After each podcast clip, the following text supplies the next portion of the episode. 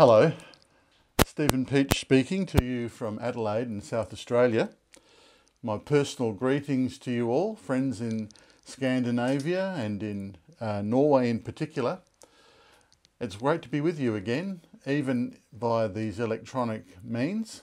Um, and I want to bring you also some greetings today from our Lutheran Church of Australia and from the seminary of our church, Australian Lutheran College. It's good to be with you. The title of this lecture is A Sorrowful Yet Always Rejoicing.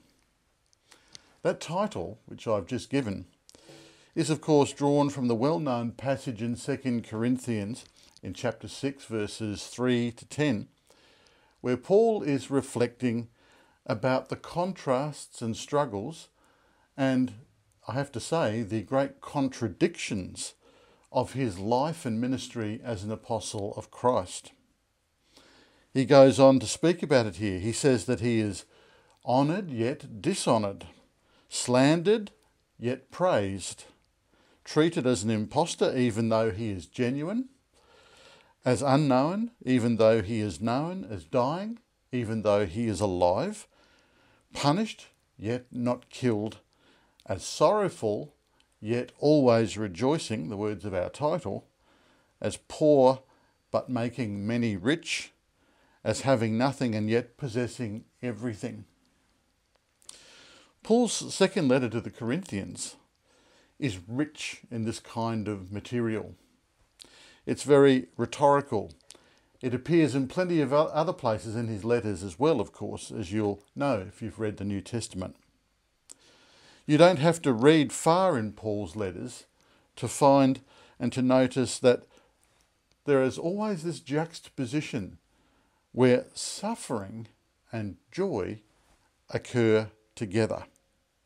They're found in close proximity to one another in his spiritual teaching and also in his life experience. Not just as dramatic contrasts, not just as adjoining beams, but as interlocking beams. Joy and sorrow together. Later in 2 Corinthians, in chapter 12, in verse 10, he says this Therefore, I take pleasure in infirmities, in reproaches, in needs, in persecutions, and distress. For when I am weak, then I am strong. Now, in Colossians chapter 1, then again in Romans chapter 5, he writes about rejoicing and even boasting in his suffering. This is rather strange language to the modern ear, don't you think? We may well ask, what's really going on here? What is this dynamic that's in play? This language is very strong and very unusual. Is Paul telling us about his overflowing heroic love as an apostle of Christ, which is so strong and so ardent that he can even go looking for suffering, even take pleasure in it? Or is this some kind of religious masochism, akin perhaps to what we see in some medieval pictures of the saints being tortured and pierced while their eyes roll heavenward in religious rapture. And when Paul goes one step further and he exhorts us to adopt this same attitude of rejoicing even in suffering, well, what does that mean? How are we to receive that and engage with it? What does it show us these, this stuff here in Paul's letters? What does it show us about the nature of the Christian life? Can we really be sorrowful and yet always rejoicing? When we first meet St. Paul in the New Testament, his dramatic conversion, before his dramatic conversion in Acts chapter 9, he is, of course, rather an evil and frightening character. He is Saul of Tarsus, a Jewish zealot, persecutor of Christ and his church, and he is the inflictor of great suffering on the church. In Acts chapter 7 and 8, you can read the short uh, period, uh, the short passage there that talks about uh, how much suffering he brought on the church. He approves of and he aids the execution of the deacon, Stephen, of course, as we know, that famous story. And he is reported to have ravaged and persecuted the church in Jerusalem, taking men and women, going from house to house, dragging them out and throwing them in prison. It says in Acts 8, verses 2 and 3. Now, this period in Paul's life is depicted in a recent film entitled Paul, Apostle of Christ. This film, this very interesting film, is an interpretation of Paul's apostolic ministry, uh, but moreover, and perhaps more interestingly, is a real study and interpretation of Paul's suffering as an apostle of Christ. He, uh, this film um, deals at some length with the theme of Paul's suffering, what he went through. And it deals with that in a rather imaginative way. Let me explain a little bit more. You know that passage in 2 Corinthians 12 that we've heard quoted many times, where Paul is complaining and talking about the thorn in his flesh this messenger sent from Satan, he calls it, to harass him. And he prays that God will take this thorn away. And God says, No, I'm not going to take it away. My grace is sufficient for you. Well, what was this thorn in Paul's flesh? This has been the, the cause of a lot of speculation over the centuries. Was it perhaps Paul's poor eyesight, or was it his speech impediment, or was it uh, his poor digestion or some other disability. All kinds of things have been suggested, all kinds of speculations. In this film, Paul's thorn in the flesh is depicted as a mental illness, a form of post traumatic stress disorder, as we would call it today. In the film, Paul is shown waking up in the middle of the night sweating, terrified, with images before his eyes of those people, those Christians whom he persecuted and who, on whom he inflicted such great suffering and violence. He's haunted in his dreams by the faces of his victims. What is pictured in this film is actually a particular kind of post traumatic stress it's what psychiatrists would call today moral injury disorder. And this is a form of PTSD in which people are profoundly psychologically wounded by the violence which they themselves have inflicted on other people or violence in which they have taken part in. Paul suffers agony of conscience and mind and heart as his brain replays these horrors from his past. And more than once, his character in the film wakes up in terror in this cold sweat, praying those words which Christ first gave to him. Paul wakes up praying these words Your grace is sufficient. Your grace is sufficient. This, of course, this depiction in the film is consciously um, uh, also a speculation. If you like, it's an artistic exploration of what this thorn in the flesh really could be in the light of Paul's ministry.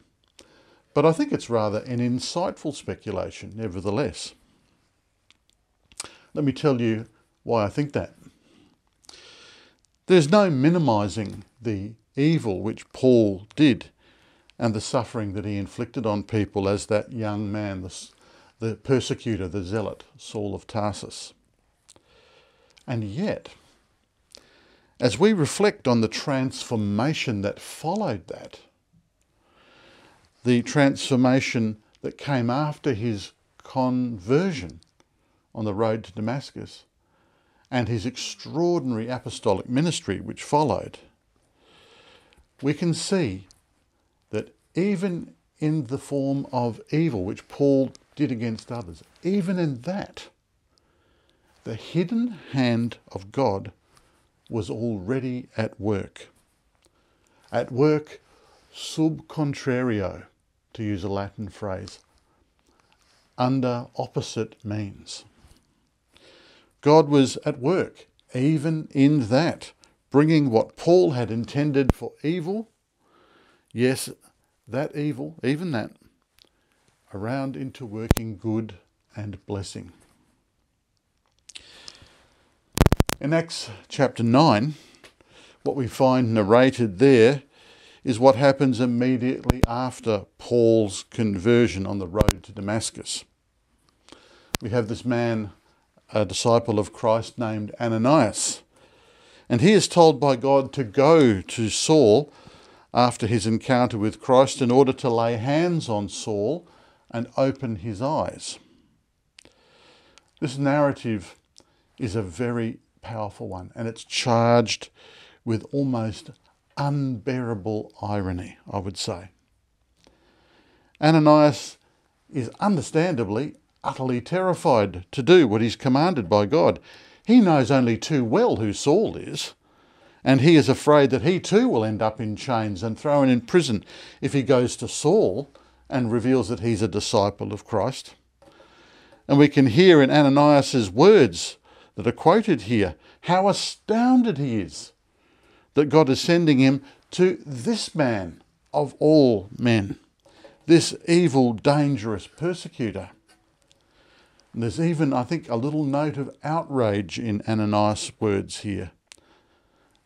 But God answers his objection. And in this answer that God gives to Ananias, I think, is the whole turning point, the whole fulcrum of the meaning of Paul's ministry.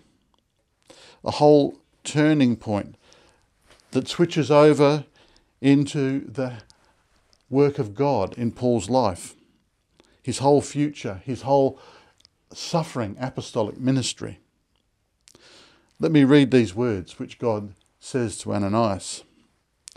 He says to him, No, go to Paul, for he is my chosen instrument to carry my name before Gentiles and kings and the children of Israel, and I will show him how much he must suffer for my name.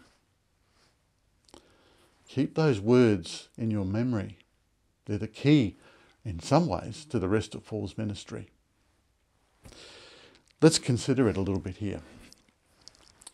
God is not saying, Well, Paul, you have dished out so much suffering against me and my church, it's now time for you to cop some in return.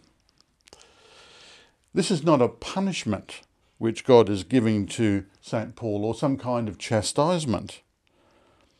God's hand is at work in a much more profound way than this.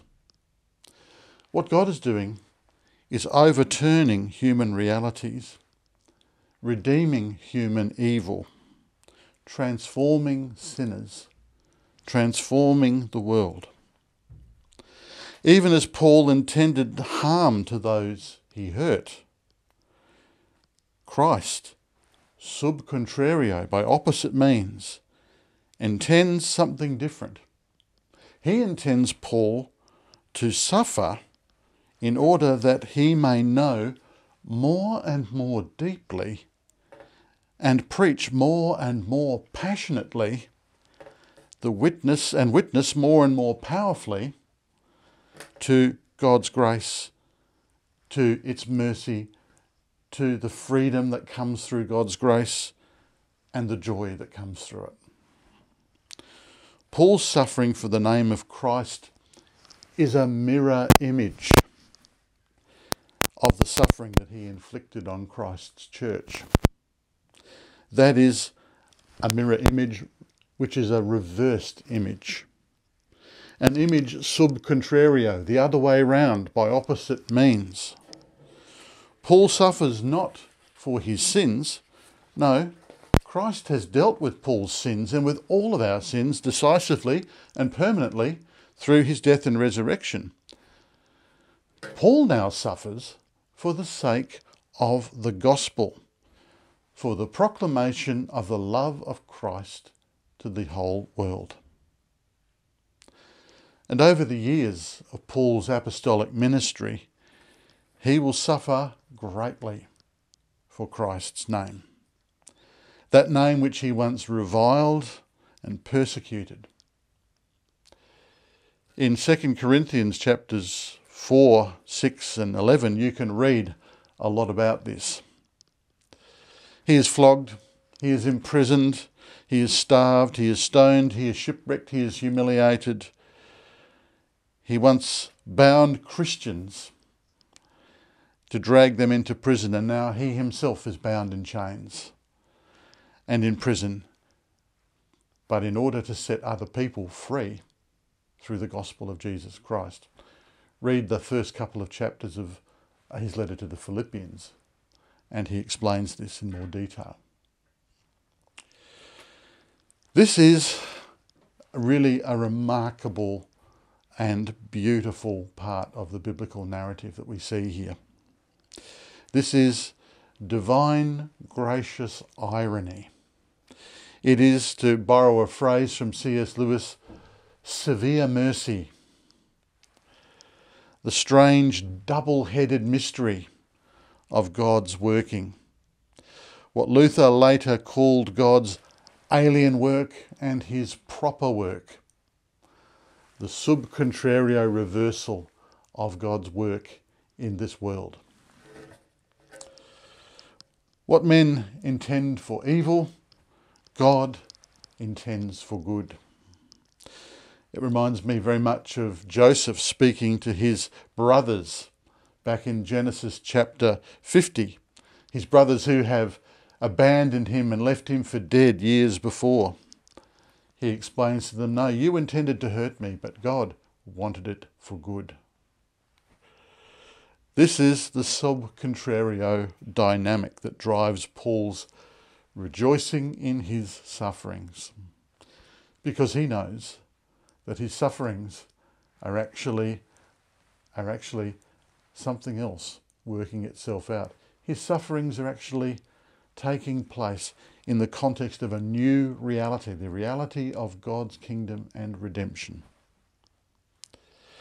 And it, of course, all flows all of this directly from the cross. That central fulcrum, balancing point, not only of one life like Paul's, but of all human lives, of all human history. That crucial sub contrario, which reverses sin and death in creation through that most horrible crime in all of human history, where the Son of God is strung up on a cross. Luther calls this event the greatest miracle that has ever taken place. As we look at the longer New Testament narrative of Paul's persecution of the church, then his conversion, and then his subsequent ministry as an apostle of Christ, his rhetoric of suffering and joy, uh, and joy begins quite sensibly and noticeably to unfold and become clear. This sub contrario dynamic really unlocks a lot of Paul's other rhetoric, I would suggest. In 2 Corinthians 4, verses 8 to 12, he says this We are hard pressed on every side, but not crushed perplexed but not in despair, persecuted but not abandoned, struck down but not destroyed. We always carry around in our body the death of Jesus so that the life of Jesus may also be revealed in the body. For we who are alive are always being given over to death for Jesus' sake, so that his life may also be revealed in our mortal body. So then, death is at work in us, but life is at work in you. This is really very powerful rhetorical writing about life and death, about suffering and joy. When I was a young Christian, reading this and similar passages, especially in 2 Corinthians, I thought that they seemed rather like emotional and grandiose hyperbole. Who is this guy? I thought. What world is he living in? Little did I realise that he was living in this world, the world that I live in too, the world we all live in. And that he was actually talking about real life in this world in very realistic terms. Little did I realise that he was talking about a world that would in time also leave me perplexed and hard pressed and struck down. Being very young, I had not had the chance yet to suffer enough, and so I had not yet had the benefit of the Spirit's forging and moulding through suffering. That forging that he speaks about in Romans chapter 5. We rejoice in our sufferings because we know that suffering produces endurance, endurance produces character, character produces hope, and hope does not disappoint us. Here we move to considering more directly uh, Paul's experience, sub contrario, of God's work in his life. And we're going to explore what he teaches the church, that is, what he teaches us today, about this intersection, this interlocking of suffering and joy in our lives as Christians. What does all of this biblical stuff mean? Luther, who in some ways walked a rather similar path to St. Paul, can enlighten us here somewhat. He had a bit of a journey like St. Paul's, and he strongly identifies with and testifies to this transformation that the gospel brings through difficult experience under God's hand. He says we must suffer divine things that's what our role in this relationship is. Like Paul, although strangely today many uh, contemporary scholars don't talk about this, Luther knew the joy that accompanies suffering in the Christian life. And he observes how mysterious it is that the two lie, that these two live cheek by jowl with each other so often. In 1518, he reflected on the words of St. Paul in 2 Corinthians 6, uh, which are the words of the title of this lecture Sorrowful Yet Always Rejoicing. And Luther says this In the Lord we are always to rejoice, in ourselves we are always to lament. In God we have cause to rejoice in ourselves we have good cause for sadness.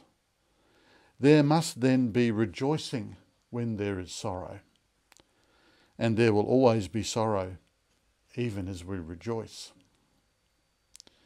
Here Luther picks up this mysterious interlocking of the two things, sorrow and joy.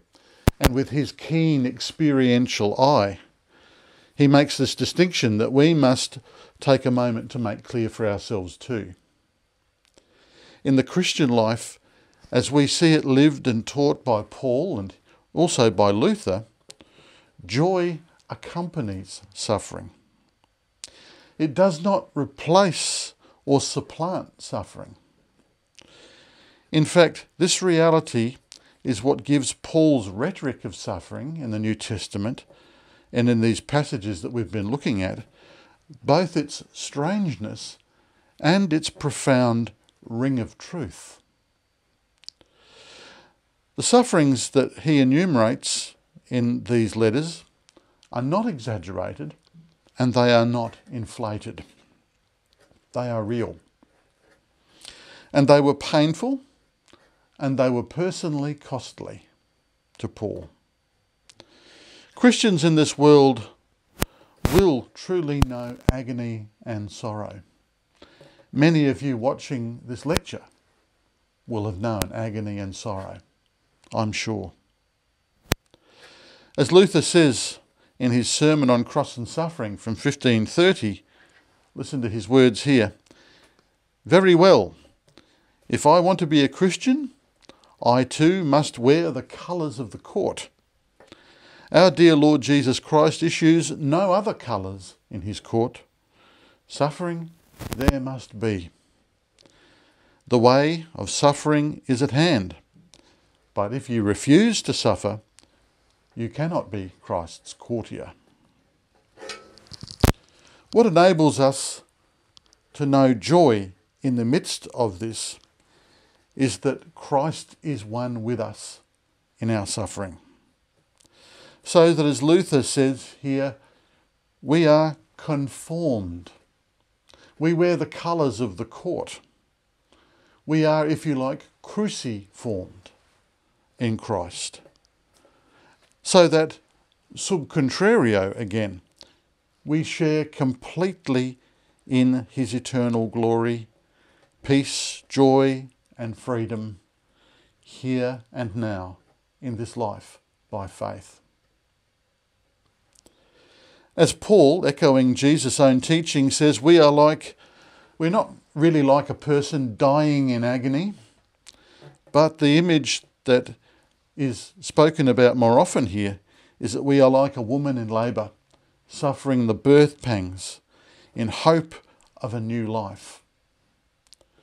Or as Luther memorably puts it again in his sermon on cross and suffering, with this quote, which I'll use to conclude the lecture. He says, If you are willing to suffer, then the treasure and consolation which is promised and given to you is so great that you ought to suffer willingly and joyfully because Christ and his suffering is being bestowed upon you and made your own. And if you can believe this, then in time of great fear and trouble, you will be able to say, Even though I suffer long, very well then, what is that compared to the great treasure which my God has given to me, that I shall live eternally with him? Thank you.